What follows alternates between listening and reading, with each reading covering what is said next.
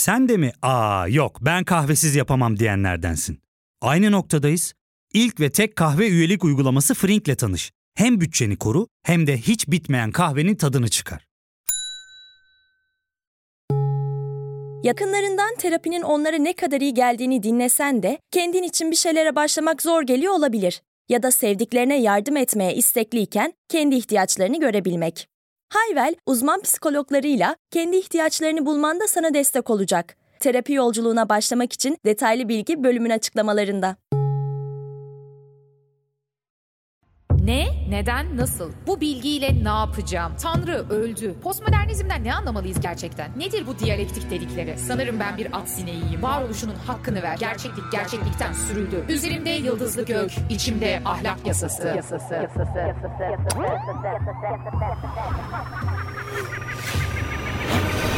Dünyaya fırlatıldık.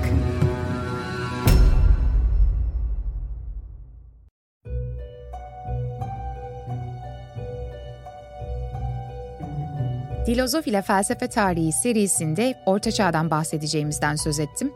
Orta Çağ kısmının toplamda kaç bölüm süreceğinden tam olarak emin değilim ama takriben 3 ya da 5 bölüm civarında sürecek. Geçtiğimiz bölümde Orta Çağ ile birlikte değişen dinamiklerden söz ettik. Yani neden antik çağ artık kapandı ve yeni bir dönemin, yeni bir felsefenin şafağındayız. Şimdi bu bölümde ise onu biraz daha temellendirip açmaya çalışacağım. Özellikle Hristiyanlıktan, Yahudilikten, Gnostiklerden söz edeceğim. Temel farkların neler olduğundan böyle kutsal metinlere referanslar vererek bahsedeceğiz. Hem biraz da tarihsel bir arka plandan söz edelim. Yani hepimiz biliyoruz Orta Çağ denilen bir çağ var ve oldukça karanlık bir çağ. Bu konuya da bir yerde gelmek lazım. Aslında Orta Çağ karanlık ne zaman denilmeye başladı ve gerçekten karanlık lakabını hak ediyor mu diye. Ama bu bölümde bin sene kadar sürmesi, hangi dönemlere ayrılması bunlardan söz edelim. Hem böyle genel kültürel bir birikim de olabilir diye düşünüyorum. Orta Çağ esasen iki döneme ayrılıyor. Bunun ilk kısmı Konstantin'in din değiştirmesinden Botius'un ölümüne kadar olan dönem. Yani milattan sonra 500 Roma İmparatorluğu'nun egemen olduğu döneme kadar. Bu bölümde hala uygar bir toplum var. Hali vakti yerinde olan herkes okuyup yazabiliyor. Bir filozof din adamlarının yanı sıra din adamı olmayanlara da hitap etmek zorunda. Yani orta çağda felsefe dediğimde bütün felsefenin sadece din adamları tarafından yürütüldüğü, insanların okuma yazma bilmediği böyle cahil bir dönem hayal ediyorsak aslında milattan önce 500 dolaylarına kadar bu hayalimiz pek de gerçeğe uygun değil. Fakat 6. yüzyılın sonunda Büyük Gregorius'un zamanından sonra Batı Hristiyan dünyasında ruhban sınıf ve layıklar arasındaki ayrım belirginleşmeye başlıyor. Ve bu ayrım ta 13. yüzyılda başta İtalya'da zengin bir ticari sınıfın büyümesine kadar da sürüyor. 13. yüzyılda ne olacak? Bu ticari zengin sınıf demişken neyi hatırlamamız gerekir? Rönesans. Ama o kısma daha biraz var. Orta çağ dediğimizde hayli uzun bir süreden bahsediyoruz. Sadece şunu düşünmenizi istiyorum. 10-100 yıl kadar bir süre. Peki asıl soruya gelirsek yani bizim açımızdan önemli olan asıl kısma gelirsek. Orta çağ dönemi boyunca din nasıl bu kadar etkili oldu? Bu kısım bugün Türkiye siyaseti açısından da düşünmek için elverişli bir yer bence. Bunu da böyle bir parantez içi dipnot olarak bırakmış olayım.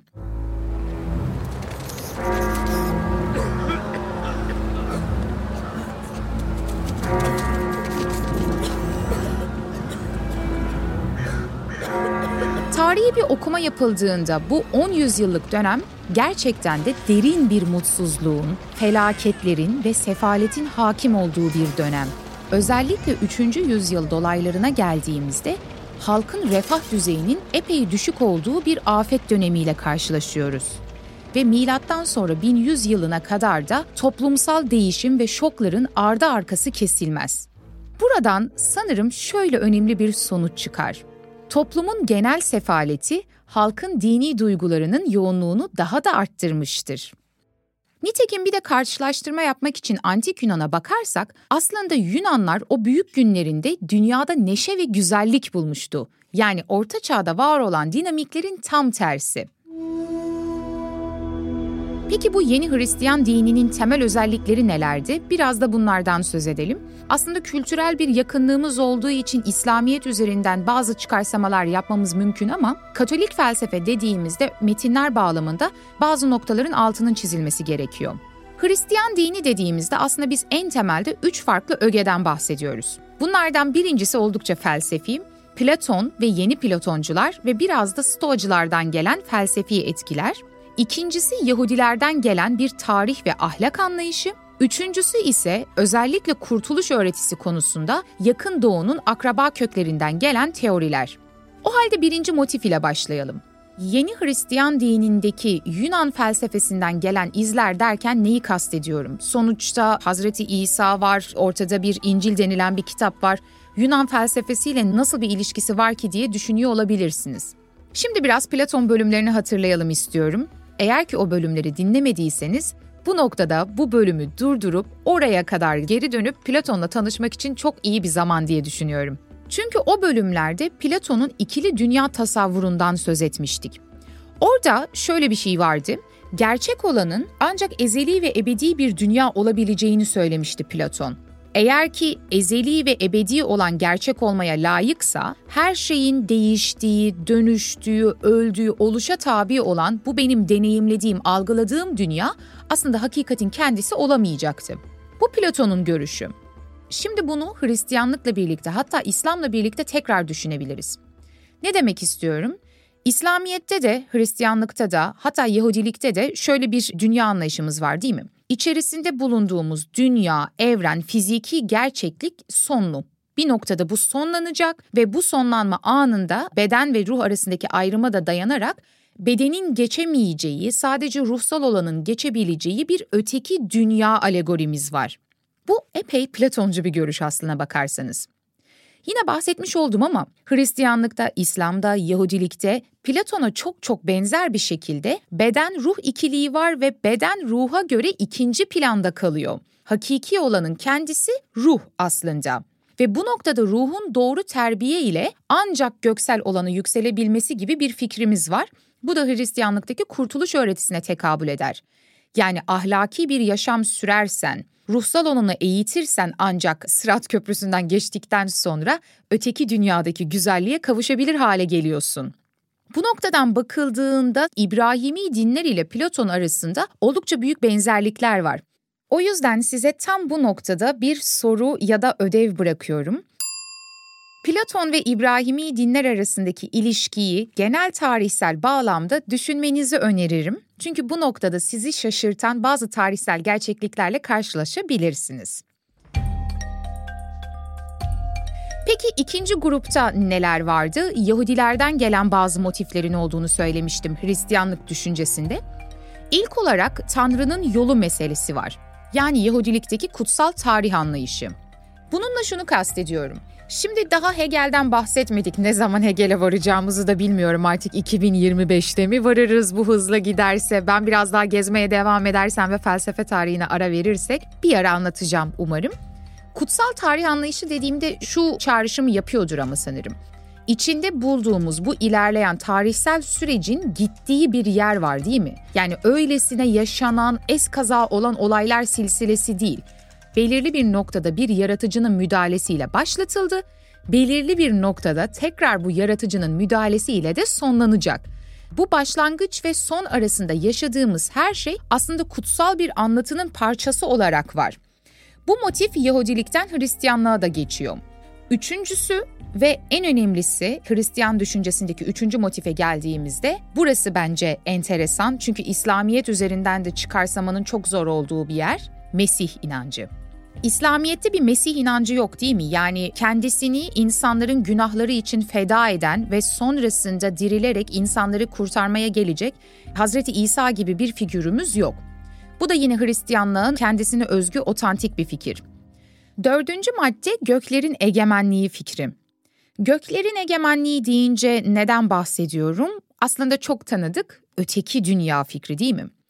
Öteki dünya fikri Yahudilerde, Hristiyanlarda ve aynı zamanda geç Platoncularda ortak bir tema. İşte tam da bu yüzden dini anlamak için Platon'u anlamak biraz şart gibi gözüküyor. Bu yüzden benim kişisel görüşüm İslam dahil olmak üzere semavi dinleri anlamak istiyorsak Tevrat'a dönmek gerekiyor ama aynı zamanda sanırım Platon'un da metinlerine geri dönmek gerekiyor. Tevrat demişken özellikle dinler tarihiyle ilgilenmek istiyorsanız orada da bence çok enteresan olan iki bölümden bahsetmek istiyorum. Buraya bir okuma notu olarak eklemiş olayım. Yeremya ve Hezekiyah bölümleri. Peki burada şunu da düşünebilirsiniz. Özellikle Yahudilikle birlikte paylaştıkları ortak temalardan bu kadar söz ettikten sonra temel fark ne?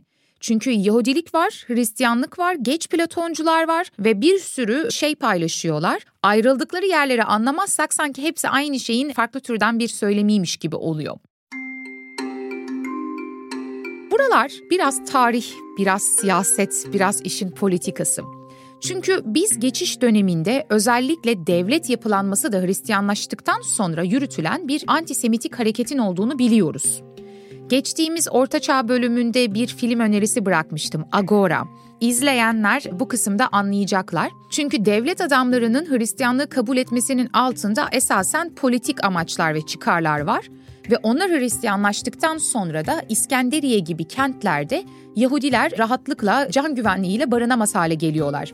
Burada politik bir ayrım var. Platoncu felsefeyle farkının ne olduğundan da bahsetmek gerekiyor tabii. Şimdi biz Platon'un öte dünyasından söz ettiğimizde aslında buradaki öte dünya metafizik olarak biraz farklı. Neden böyle diyorum? Yahudilikte, Hristiyanlıkta ve hatta bence İslam'da öte dünya alegorisi aslında erdemlilerin sonsuz mutluluğa kavuşacağı, günahkarların ise sonsuz eziyet çekeceği bir yer değil mi? Hepimizde cennet ve cehennem imgeleri var. Şimdi bu noktada biraz daha modernist bir açıdan dine yaklaşıyorsanız şey diyebilirsiniz. Hakikaten cennet ve cehennem denilen yerler yok. Yani bunlar metaforik anlatımlar diyebilirsiniz. Öyle ya da böyle. Ama Platoncudaki öte dünya alegorisi böylesi bir kurtuluş anlatısından yola çıkarak insanların ödüllendirildiği veya cezalandırıldığı bir yer değil. Ve bu noktada semavi dinlerdeki öte dünya tarihsel olarak da ileridedir.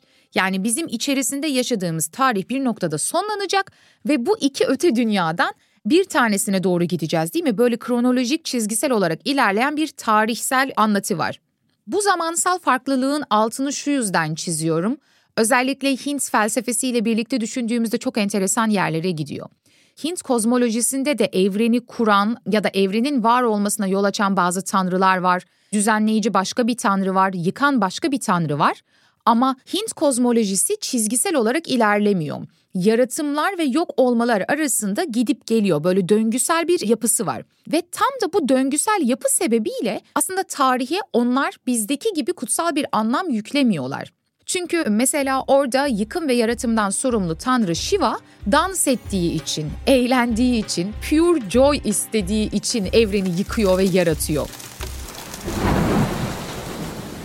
Bu yüzden mesela Hint felsefesinin düşüncesinin de böyle kronolojik bir anlatımı yok çünkü tarih anlayışları bizimkinden farklı. Ama biz batıya geldiğimizde Yahudilikte, Hristiyanlıkta, İslamiyet'te gördüğümüz bu tarih anlayışı yüzünden şöyle bir yere geliyoruz. Zamansal farklılık eğer ilerleyen bir şeyse, öte dünya varsa ve burası varılacak bir yerse bu ödül ceza sistemini ve intikam psikolojisini perçinliyor bir açıdan değil mi? Çünkü ödüllendiren ya da cezalandıran bir tanrı var. Sen bütün vaktinin, eylemlerinin anlamını tam da bu yolun sonunda varacağın yerden itibaren kavruyorsun. Bu kısım enteresan. Küçücük bir zaman anlayışının nerelere nerelere vardığıyla ilgili. Mesela bana şey diye çok sorulur. Özellikle teistler, dindarlar der ki eğer öte dünya yoksa, cennet cehennem yoksa aslında bizim yaşamımızın hiçbir anlamı olamaz. Neden? Çünkü bu bakış açısı benim sahip olduğum şimdiki zamanı varacağı en sondan itibaren kavruyor. Sonda varılacak yer yolun kendisini anlamlandırır deniliyor. Ben ne diyorum ya da Nietzsche ne diyor mesela? Hayır, benim sahip olduğum şimdinin kendisinde bir anlam var. Anlam benim onunla kurmuş olduğum bir ilişki. Sondan itibaren onu kavramak zorunda değilim. Bunlar tamamen birbirinden farklı yaşamı, hakikati anlamanın, görmenin iki farklı yolu. Şimdi Yunan düşüncesi ve Yahudilik Hristiyanlıktan bahsederken, farklarından bahsederken ilkinin bu zaman meselesi olduğundan, öte dünya alegorisi olduğundan söz etmiştim. İkinci temel fark biraz daha enteresan. İlk cümleyi söyleyip sonra bunu açacağım çünkü enteresan bir cümle söyleyeceğim hazırsanız. Orta çağın doğası yoktur. Nasıl yani? Antik Yunan filozofu doğa nedir, evrenin maddesi nedir, ilkesi nedir diye sormuştu. Hatırlayın bu serinin ta ilk bölümünde Thales'le başlamıştık. Antik Yunan filozofları böyle üzerinde beyaz çarşaf dolamış adamlar dışarı çıkıyorlar ve gördükleri oluş, hareket, devinimi anlamaya çalışıyorlar. Evrenin maddesi nedir diye soruyor. Ortaçağ düşünürü ise varlığın bütününe ilişkin bir çeşit düşünüm gerçekleştirerek varlık nedir diye sorar. Yani o başını doğadan çevirip daha böyle metafizik bir kavram olarak ya da bir soyutlama yoluyla o büyük veyli varlığın kendisini anlamaya çalışıyor. Çünkü antik çağda olmayan bir düşünceyi benimsiyor değil mi? Yoktan var etme görüşü. Yaratıcı bir tanrı evrenin ya da daha da geniş ölçekte varlığı hiçlikten yaratır ortaya koyar. Oysa antik Yunan'da hiçlikten varlık çıkmaz şeklinde bir inanç vardı. Yani varlık varsa o zaten ezeli ve ebedi olarak vardır. Bizim burada yaratıcı bir tanrıdan söz etmemize gerek yoktu. Şimdi bu kısımdan baktığımızda antik Yunan'dan bambaşka bir yaşam felsefesi, varlık felsefesinin ortaya çıkmaya başladığını görüyoruz. Bütün etkileri barındırmasına rağmen ve Orta Çağ'ın ilk yüzyılında böyle bir daha geçiş evresi gibi düşünmek lazım. Yani çok radikal derecede antik Yunan felsefesi bitti ve Hristiyan felsefe başladı değil de ikisinin böyle iç içe geçtiği daha flu olan bir dönem var. Bunlardan bir tanesinden söz edeceğim. Paganizm ve Hristiyanlık arasındaki en ünlü geçişlerden bir tanesi olan Gnostisizm. Gnostisizmi ilk kez duyuyor olabilirsiniz ya da böyle daha mistisizmle ilgiliyseniz aha bunu biliyorum diye bir hissiyat da oluşmuş olabilir. Ama ben bilmeyenler için şöyle bir zemin olarak birkaç cümleyle anlatmak istiyorum. Gnostisizm Mısır, Yunan, ezoterik inançlar, İbrahimi dinler, Zerdüşlük etkisi altında gelişen mistik bir görüş. Mistik bir felsefe demedim çünkü mistisizm bir felsefe midir konusu benim kafamı hep kurcalayan şeylerden bir tanesi. Eski Yunanca'da gnostik kelimesi sezgi veya tefekkür yoluyla edinilen bilgi anlamına gelen gnosis sözcüğünden türetiliyor. Buralar benim tırnak içinde söylüyorum triggerlandığım yerler. Çünkü sezgi veya tefekkür yoluyla edindiğim şeye bilgi demek konusunda bir direnç gösteriyorum ben. Hatta bunu Hindistan'da Hindu bir arkadaşım vardı. Felsefenin izinde yolculuk serisini takip edenler hatırlayacak. Krishan. O şey demişti. Bilgi zaten benim sezgi yoluyla edindiğim bir şey olmalıdır diye bir iddiada bulunmuştum. Ben de ona karşı diyorum ki çok da Platoncuyum bir yandan. Bilgi gerekçelendirilmiş doğru inançtır diyorum. Yani orada bir gerekçe olacak, doğrulama olacak, deney gözlem olacak. Benim iddiam bu. Sezgi yoluyla edindiğim şeye bilgi demiyorum. Krishan da aksine her defasında o bilgi değil, enformasyondur diyordu. Yani bir tarafa knowledge, bir tarafa wisdom koymak gibi bir farklılık var. İngilizce'de daha bir açık hale geliyor. Gnostiklerdeki mesele de bu. Asıl bilgi gnosis adını verdiğimiz bilgi ama bu episteme anlamında bir bilgi değil, sezgi veya tefekkür yoluyla ediniliyor. Ve bu noktada hakiki bilgi ya da hakikatin bilgisi ancak böyle ruhsal, psişik gelişim aracılığıyla elde edilebilir bir halde. Bu bir çeşit gizemcilik. Bu noktada bölümü ufak bir ara verelim, sonrasında kaldığımız yerden devam edelim. Ya fark ettin mi? Biz en çok kahveye para harcıyoruz. Yok abi, bundan sonra günde bir. Aa, sen Frink kullanmıyor musun? Nasıl yani? Yani kahvenden kısmına gerek yok. Frink'e üye olursan aylık sadece 1200 TL'ye istediğin çeşit kahveyi istediğin kadar içebilirsin. Günlük 40 TL'ye sınırsız kahve mi yani? Çok iyiymiş. Aynen. Hatta şu anda 200 TL'lik bir indirim kodu da var. E hadi hemen indirip üye ol da bu fırsatı kaçırma. Terapiye başlamak, içinden çıkamadığın döngüleri kırmak, bazı yanlış bulduğun kararlarını değiştirmek ve kendinle beraber daha huzurlu bir yaşam inşa etmek için atabileceğin en değerli adımlardan biri. Hayvel ile yoğun yaşam tempona uyum sağlayarak online terapi seanslarını takvimine göre ayarlayabilirsin. Bini aşkın uzmandan sana en uygun terapisti seçebilir, PodB10 koduyla indirimden yararlanabilirsin. Detaylı bilgi açıklamalardaki bağlantıda.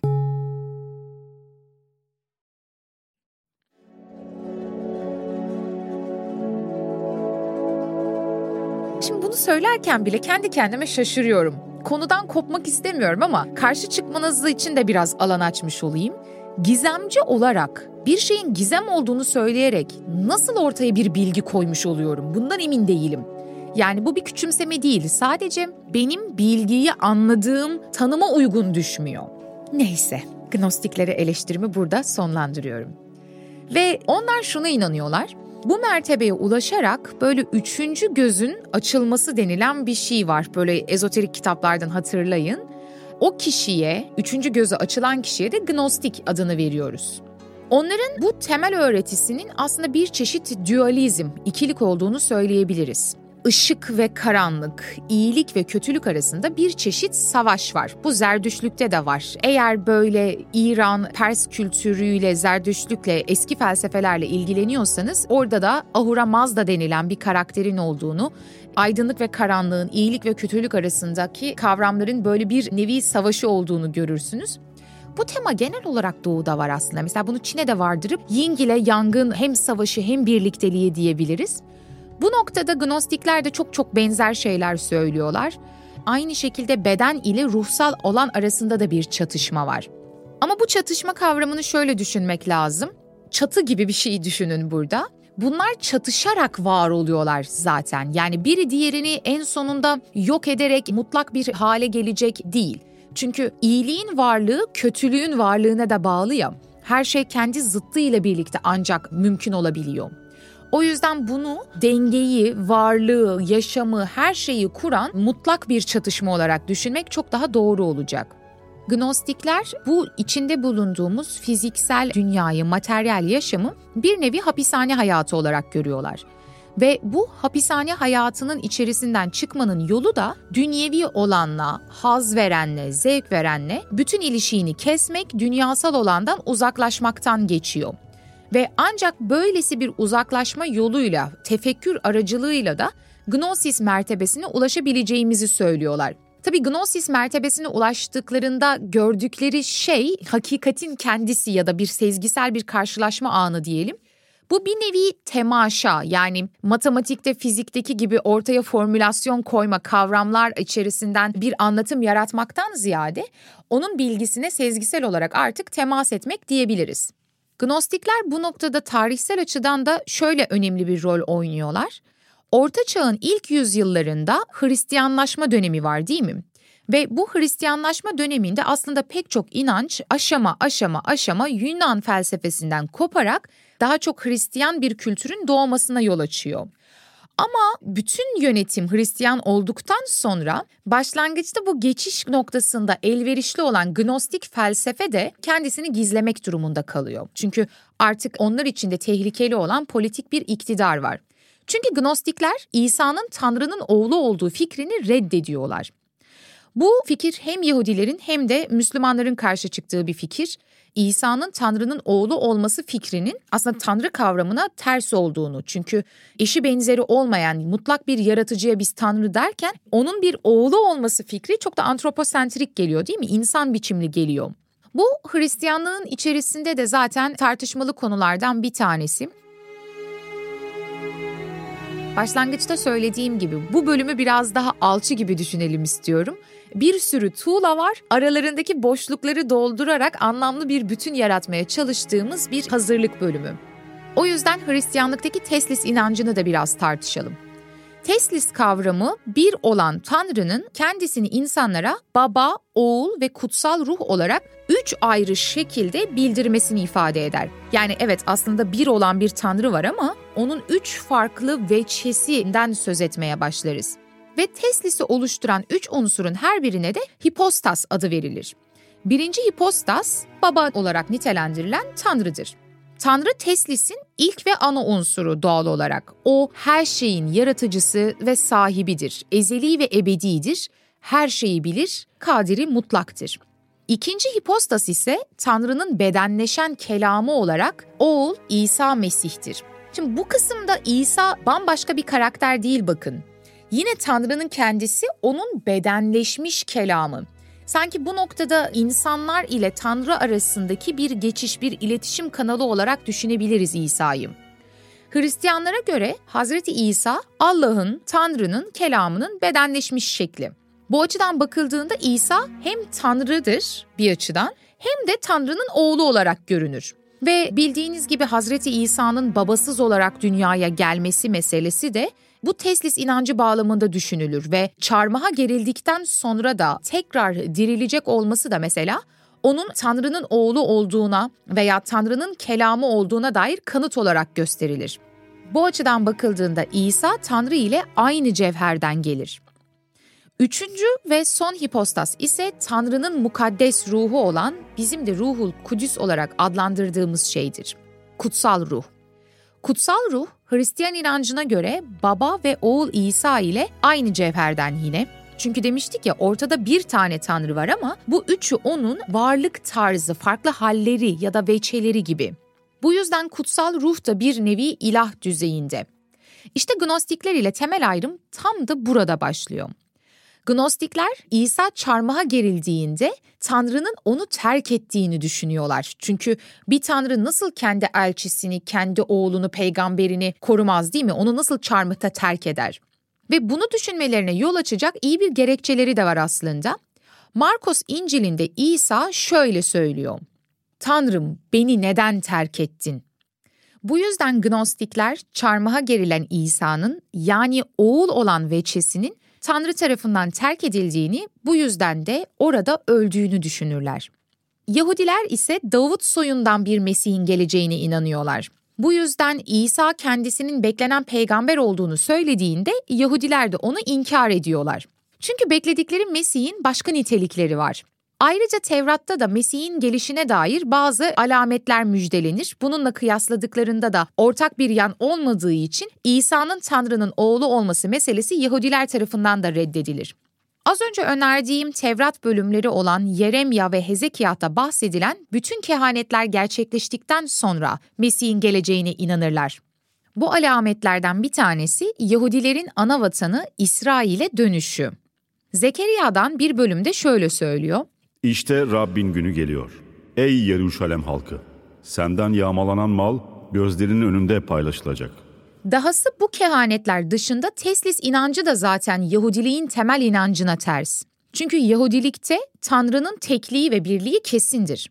Çarmıhta ölen Tanrı'nın oğlu fikri Yahudilerin öğretileriyle de tamamen uyumsuz. Bu yüzden Testiye'de de görebileceğiniz gibi bir Yahudinin İsa'yı Tanrı'nın oğlu olarak kabul etmesi Yahudiliğin kendisine ihanet olarak nitelendirilir. İşte böylesi büyük farklılıklar olması sebebiyle zaman içerisinde Hristiyanların Yahudilere karşı tutumu düşmanca bir hal alır. Çünkü onlar İsa'yı tanıyamamıştır. İşte bu yüzden devlet yönetimi Hristiyanlaştığı zaman antisemitik hareket de başlar. Şimdi bu noktada biraz konunun dışına saparak İslamiyet'teki İsa'dan da bahsetmek istiyorum. Neden konunun dışına saparak? E biz Orta Çağ'dan bahsediyoruz. 0 ila 500 arasındaki dönemden söz ederken henüz Hazreti Muhammed dahi daha doğmamıştı. Yani İslamiyet fikri tarih sahnesinde gözükmemişti. Ama Yahudilikten, Yahudilerin, paganların İsa kavrayışından bahsettikten sonra İslamiyet'teki İsa'nın pozisyonundan söz etmezsek sanki konu biraz açık kalacak. O yüzden şöyle biraz ileriye doğru zıplayalım sonra geri dönelim. Yahudilik ve İslam'da ortak olan düşüncelerden bir tanesi de bu teslisin reddi. İslam'da da İsa Tanrı'nın oğlu olmaktan ziyade bir peygamber olarak kabul edilir. İlgili ayetlerden bazılarını sıralayalım. Mesela Nisa suresi 171. ayette şöyle söyleniyor. Meryem oğlu İsa Mesih ancak Allah'ın elçisidir. Allah'ın Meryem'e ulaştırdığı kelimesidir ve ondan bir ruhtur. Şu halde Allah'a ve peygamberlere iman edin. Üçtür demeyin. Bundan vazgeçin. Hakkınızda hayırlı olan budur. Allah ancak bir tek ilahtır. O çocuğu olmaktan münezzehtir. Göklerde ve yerde ne varsa hepsi O'nundur. Güvenmek ve dayanmak için Allah yeter. Yani Kur'an-ı Kerim de İsa'nın Tanrı'nın oğlu olduğu fikrini reddeder. Burada Kur'an'ın açıklamalarına göre de İsa Tanrı'nın kelimesi. Bu kelime kavramını biraz konuşalım istiyorum. Kelime kelimesini biraz konuşalım ya da. Hatırlarsanız antik Yunan'da bir kavramdan söz etmiştik, logos. Ve logos'un anlamları akıl, ölçü, oran, düzen ve sözdü. Ben buradaki logos vurgusunu İslam teolojisi açısından şöyle yorumluyorum. Yani İsa Allah'ın kelimesidir, İsa Allah'ın sözüdür, bir nevi logostur denildiğinde ne anlamalıyız bundan? Aslında bakarsanız İslam'da yalnızca İsa değil, bence bütün varlıklar Allah'ın kelimesidir. Bu biraz daha tasavvufa da yakın bir bakış açısı sanırım. Çünkü bütün varlıklar ve oluşlar Allah'ın kudretinin eseri olarak görülür. O yüzden İsa'ya özgü bir durum yok diğer peygamberlerle kıyasladığımızda. O bir şeyi yaratmak istediği zaman ne yapar? Ol der ve o şey olu verir. Yani onun kelimesiyle olu verir. Bu yüzden bütün şeyler zaten onun sözü aracılığıyla var olur. Ve İsa'nın Bakire Meryem'den doğması meselesi de Kur'an-ı Kerim'de şöyle geçer. Ali İmran suresi 47. ayet. Meryem ey Rabbim dedi. Bana hiçbir erkek eli değmediği halde nasıl çocuk sahibi olabilirim? Allah buyurdu. İşte öyle Allah dilediğini yaratır. Bir işin olmasını istediğinde sadece ol der ve olu verir. Özetle İslam'da da Bakire Meryem'in oğlu olması meselesi yine bu kelimesi yani Tanrı'nın kudreti aracılığıyla açıklanır. Ve kısmen tevhid inancı da var bu açıdan baktığımızda. Gelecek bölümde akıl iman tartışmasından bahsederken bu Bakire Meryem'in İsa'yı doğurması kısmına da tekrar dönebiliriz. Çünkü bunun mantık dışı olması, bunun mucizevi olması aslında imkansız olduğunu göstermiyor. İmkansızı mümkün hale getirme kudretine sahip olanın Tanrı olduğunu gösteriyor. Ve hatta Tertullianus gibi isimler şey diyecek. Ya zaten bu çok akla mantığa uygun bir şey olsaydı biz bunu açık bir şekilde deneyle gözlemle bilirdik değil mi? Bilgi olurdu ama o zaman inanç olmazdı zaten. iman edilecek bir şey olmazdı. O yüzden İslam'da da İsa'nın Bakire Meryem'in oğlu olduğu, böylesi mucizevi bir durumu içerdiği meselesi açık açık gösteriliyor. Ama burada çarmıha gerildikten sonra yeniden dirilmesi, Mesih olması kısmı ile ilgili neler söyleyebiliriz? Bertrand Russell'ın ilginç bir ifadesi var, onu paylaşmak istiyorum. Hazreti Muhammed'in peygamberlerin kötü bir sonla karşılaşamayacaklarına dair güçlü bir sınıf duygusu olduğunu söylüyor. Yani çarmıha gerilen İsa'nın Tanrı tarafından terk edildiği ve yok olduğu, acıyla öldüğü gibi bir şey aslında Muhammed'in peygamberlere dair sahip olduğu sınıf bilincinden dolayı mümkün değil diyor. Bu gerçekten üzerine düşünülebilecek, tartışılabilecek konulardan bir tanesi. Bilmiyorum Hazreti Muhammed'in bir sınıf bilinci olduğunu söyleyebilir misiniz? Hristiyanlıkta da İsa'nın pozisyonu biraz değişken. Mesela İncil'deki ilk üç kitap çok daha yalınken dördüncü kitapta Yuhanna'da İsa'dan artık böyle daha çok teolojik bir figür olarak bahsedildiğini görüyoruz. Çünkü kilise babaları da zaten daha çok Yuhanna İncil'ine gönderme yapıyorlar. O ilk üç kitaptan daha farklı, daha metafizik, daha anlatımın, söylemin yüksek olduğu bir kitapla karşılaşıyoruz Yuhanna İncil'inde. Ve Yuhanna İncil'inde Yunan felsefesine ait de pek çok kavramla karşılaşırız. Aynı şekilde Pavlus'un mektuplarında da Yunan kültüründen büyük izler vardır. Çünkü Aziz Yuhanna Yunan felsefecilerinin aradığı ve logos olarak adlandırdığı şeyin zaten İsa olduğunu iddia eder. Bu açıdan bakıldığında Logos'un beden kazandığını ve artık bizim aramızda yaşadığını söyler. Yuhanna İncil'i 1.14. Şimdi İsa'nın logos olduğunu söylemek felsefi değil dinsel bir iddia değil mi? Ama oldukça belirleyici bir olay. Böylesi bir yerden yola çıkarak Hristiyanlaşan felsefeden söz edebiliyoruz zaten. Hristiyan vahyinin kendisi teolojik ve felsefi spekülasyonlara zemin hazırlamış. Aynı şekilde Aziz Pavlus'un mektuplarında da epey felsefi tartışmalara yol açan ifadeler var. Bunlardan en önemlisi gelecek bölümde de konuşacağımız akıl iman tartışmasını körükleyecek ifadelerden biri Korintlilere mektuplar 1.25 Çünkü Tanrı'nın saçmalığı insanın bilgeliğinden daha üstün, Tanrı'nın zayıflığı insanın gücünden daha güçlüdür. İlk kısma bakın. Tanrı'nın saçmalığı dahi insan bilgeliğinden daha üstündür. Yani bana saçma gözüken şeyin arkasındaki bilgelik Tanrı'ya mahsus. Ben oradaki bilgeliği anlamaya yetkin değilim. Akıl iman tartışmasından bahsederken ya da işte Tertullianus gibi isimlerden söz ederken sürekli bir argüman olarak bu saçmalık meselesinden söz edeceğiz. Absürdizm diyenler var, akla uygun olmayan diyenler var. Ben saçma diyorum şu an. Bu tartışmalar hep Korintlilere mektuba temelleniyor. Burada dikkat çekici şeylerden bir tanesi aklın doğrudan reddedilebileceği anlamına da gelmediği.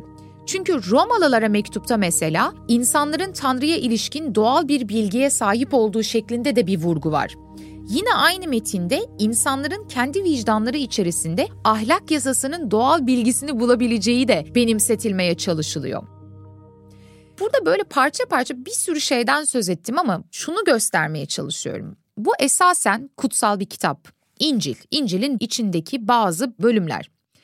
Ve sadece buradan baktığımızda bile nasıl felsefi tartışmalara kapı aralıyor değil mi? Aklı reddedecek miyiz? Bizde doğal bir bilgi var mı Tanrı'ya dair? Ya da logosu sözü olması meselesi, aklın ötesinde başka bir hakikat alanı var mı? Değil mi? Hep felsefi tartışmalar. Ve dahası bunlar hep epistemolojik konular.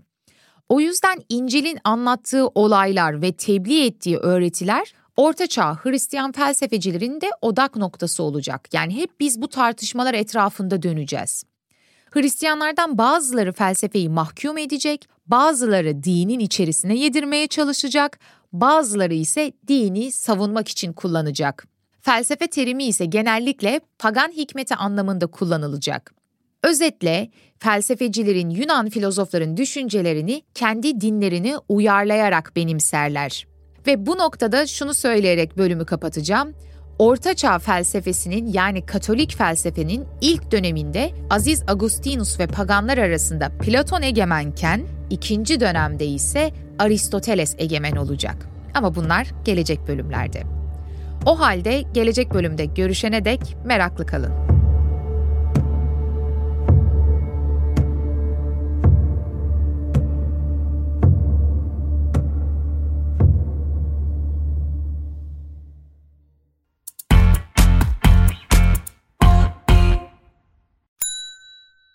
İlk ve tek kahve üyelik uygulaması Frink, 46 ildeki 500'den fazla noktada seni bekliyor. Açıklamadaki kodu girerek sana özel 200 TL'lik indirimden faydalanmayı unutma. Hadi sen de Frink üyeliğini başlat, kahven hiç bitmesin. Hem bugününe hem yarınına katacaklarıyla terapi yolculuğuna ve daha iyi hissetmeye bugün Hayvel ile başla. Açıklamadaki linkten Hayvel'i indir, ücretsiz tanışma görüşmelerinin ardından bütçene uygun seans paketini seç ve terapi yolculuğuna başla.